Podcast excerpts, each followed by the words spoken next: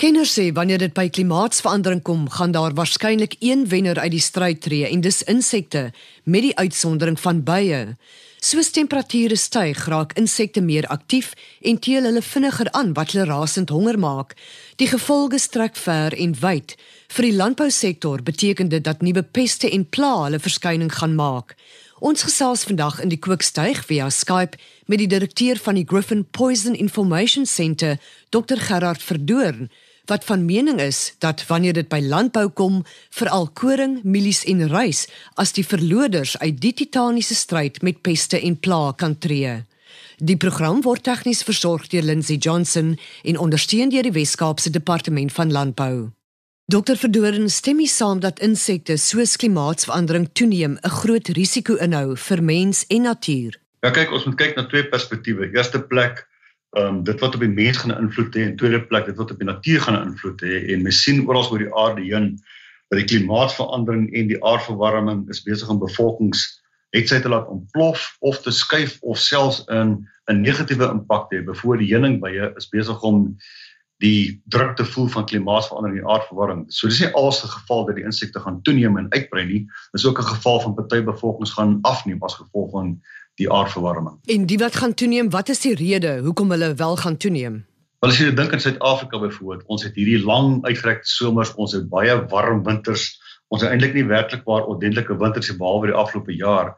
En wanneer daar nie uitstekende koue en vriese en byvoorbeeld sneeu en ryp is nie, dan oorleef die insekbevolking baie makliker. Ons onthou nou byvoorbeeld van hierdie herfskomando wat oor die land ingeval het verlede jaar en in die warm gedeeltes waar dit nooit koud geword het, hierdie herfskomando waar hom nooit pak gekry nie. So hy het net voortgegaan en sy bevolking raak nou buite beheer by voet in plekke soos Limpopo of Limpopo Valley in die Oos-Kaap waar dit warmer is en as dit 'n gewone koue winter was, het daai bevolking 'n goeie klap gekry met die koue, maar nou om die winters warmer raak, ehm um, kry mens nie meer daai beheerende effek van natuur om bevolkings uit te dun nie.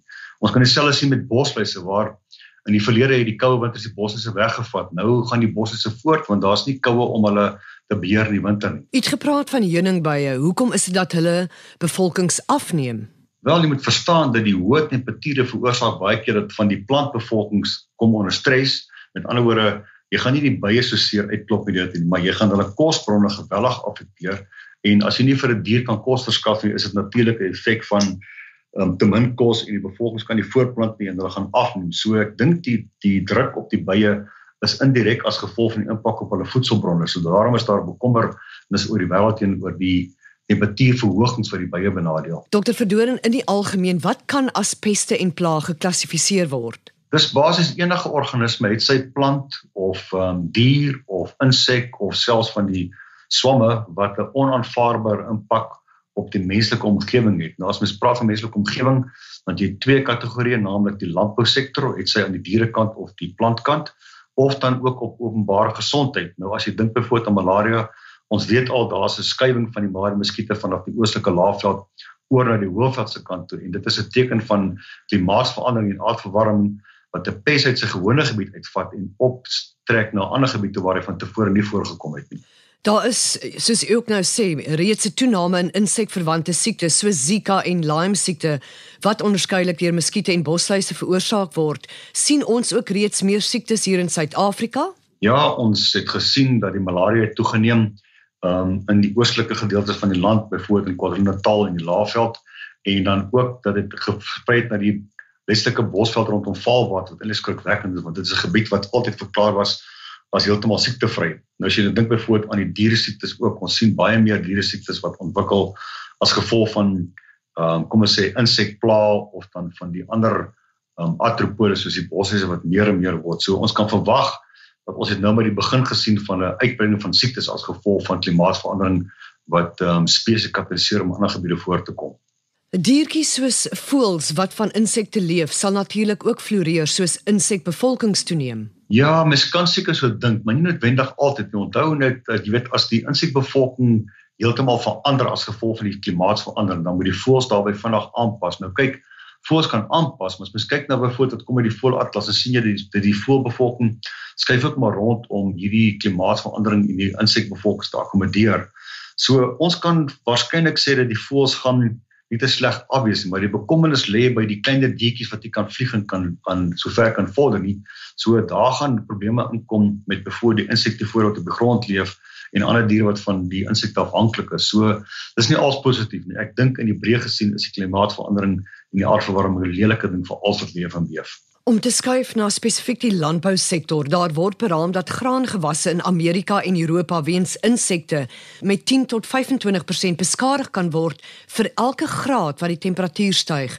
Dink jy dis ook Suid-Afrika se voorland? Ons het geen twyfel daaroor nie. Ons kyk nou hoe ons die laaste paar jaar hierdie kataklismiese droogtes ondervind het en dan skielik na dit die gewellige vloede moet jy weet, die graanboere gaan onder geweldige druk kom. So klimaatsverandering gaan oor die wêreld heen um, skade veroorsaak en ek vanmôre net gehoor op die nuus dat hulle sê die temperature lyk of dit met 3 grade Celsius per per eeu gaan styg in plaas van die gemikte 1.5 so ons is op pad na 'n uh, redelike ernstige effek op die menslike omgewing en die natuurlike omgewing ook. En wanneer dit by graangewasse kom, watter insekte is die grootste sonnebokke wanneer dit by skade kom? Dan mens kan basies sê die Lepidoptera insekte, naamlik die ehm um, al die mottipes, dan oor die wat 'n wurmpie maak in graangewasse. Jy dink byvoorbeeld aan die herskomandewurm en die bolwurm tipes. Dit is vir die groot skade veroorsaak en ondergronds natuurlik goed soos die valstraatwurm en kalanders en so aan by die graangewasse hardpad. Ons praat nou oor die probleme. Wat is die oplossings? Daar word gepraat van gewasrotering en insekdoders,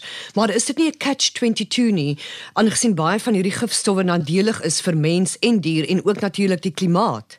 Kyk as mens die plaagdoders gebruik vir ons etiket, is die kans dat iets kan verkeerd gaan baie skraal. Ons probleem is egter dat mense volg nie etiket nie, maar ons kan nie net aanhou om die simptome aan te spreek. Ons moet begin by die kern van die probleem. En die kern van die probleem is dat die aarde se mense hoor nie die boodskap nie. Ons moet ophou met hierdie gewellige verbranding van steenkoolbrandstowwe. Suid-Afrika byvoorbeeld moet ophou dink aan nuwe kragsentrale wat op steenkool gebaseer is. So As ons nie die oorsprong aanspreek nie, kan ons maar plaagdoders spuit vir Afrika. Ons kan gewasvertering toepas. Ons gaan die oorlog nie wen nie, want jy help nie, jy gee net die pilletjies vir simptome nie. Jy moet die oorsprong gaan jy moet gaan soek en die oorsprong aanspreek.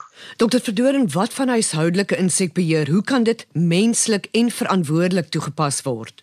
Jong, ek sê as ek kyk nou hoe die mure, die termiete, die die vlooie die weerluise en die kakkelakke toeneem sien ek vir die gewone huishoudelike mense gewellige probleme en daar moet 'n ou eerste plek moet jy altyd jou monitering doen. Jy weet enige persoon of jy nou 'n boer of 'n huiseienaar of 'n tuinier is, moet jy moniteer. As jy sien iets kom in jou huis in of begin toeneem, moet jy dadelik 'n plan maak en jy moet die peste en plaag effektief beheer want as jy kom op die plek wat hulle kom ons sê maar um epidemies ontwikkel, kan jy amper daai bevolking se beheer nie. En weer 'n keer kom terug na die beginsel van lees etikette, volg die etikette, gebruik net vir ons etikette en maak seker jy doen dit op die regte manier want die bekommernis as jy kyk na die gifgevalle met mense en diere is die meeste daarvan uit 'n huislike omgewing omdat mense etikette nie lees nie. So die huishoudelike omgewing en die omgewing is identies. Jy moet net seker maak jy doen jou pes en plaag ordentlik en verantwoordelik en ons etikette.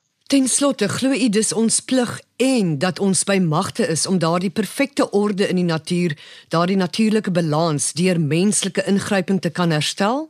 Ehm um, ek dink dit is ons ons verantwoordelikheid as ons wil hê die menslike bevolking moet voortbestaan vir die volgende 1000 jaar, moet ons nou begin inklim en kyk waar kan ons natuur help om weer te herstel.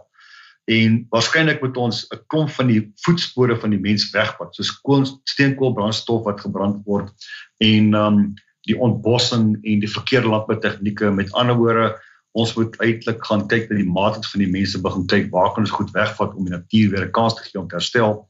En ek moet sê ek het nou lank in baie plekke gewerk en gewone gesien as jy die mens wegvat, het die natuur 'n ongelooflike vermoë om homself baie vinnig te herstel.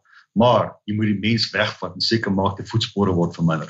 Insekte is 'n voorbeeld van verstommende organiese evolusie oor millennia. Hulle is die grootste groep in die diereryk met wetenskaplikes wat beraam dat daar meer as 'n miljoen spesies bestaan. Hulle help met die bestuiving van ons voedselgewasse, met die afbreek van organiese stof, verskaf leidrade oor kure vir kanker en help selfs om misdade op te los. Insekte kan egter ook reuse skade aanrig, soos wat ons vandag by dokter Verdoren gehoor het. Klimaatsverandering is besig om die natuurlike orde van die wêreld waarin ons leef omver te werp. Almal gaan uiteindelik hieronder lê, mens, dier en plant.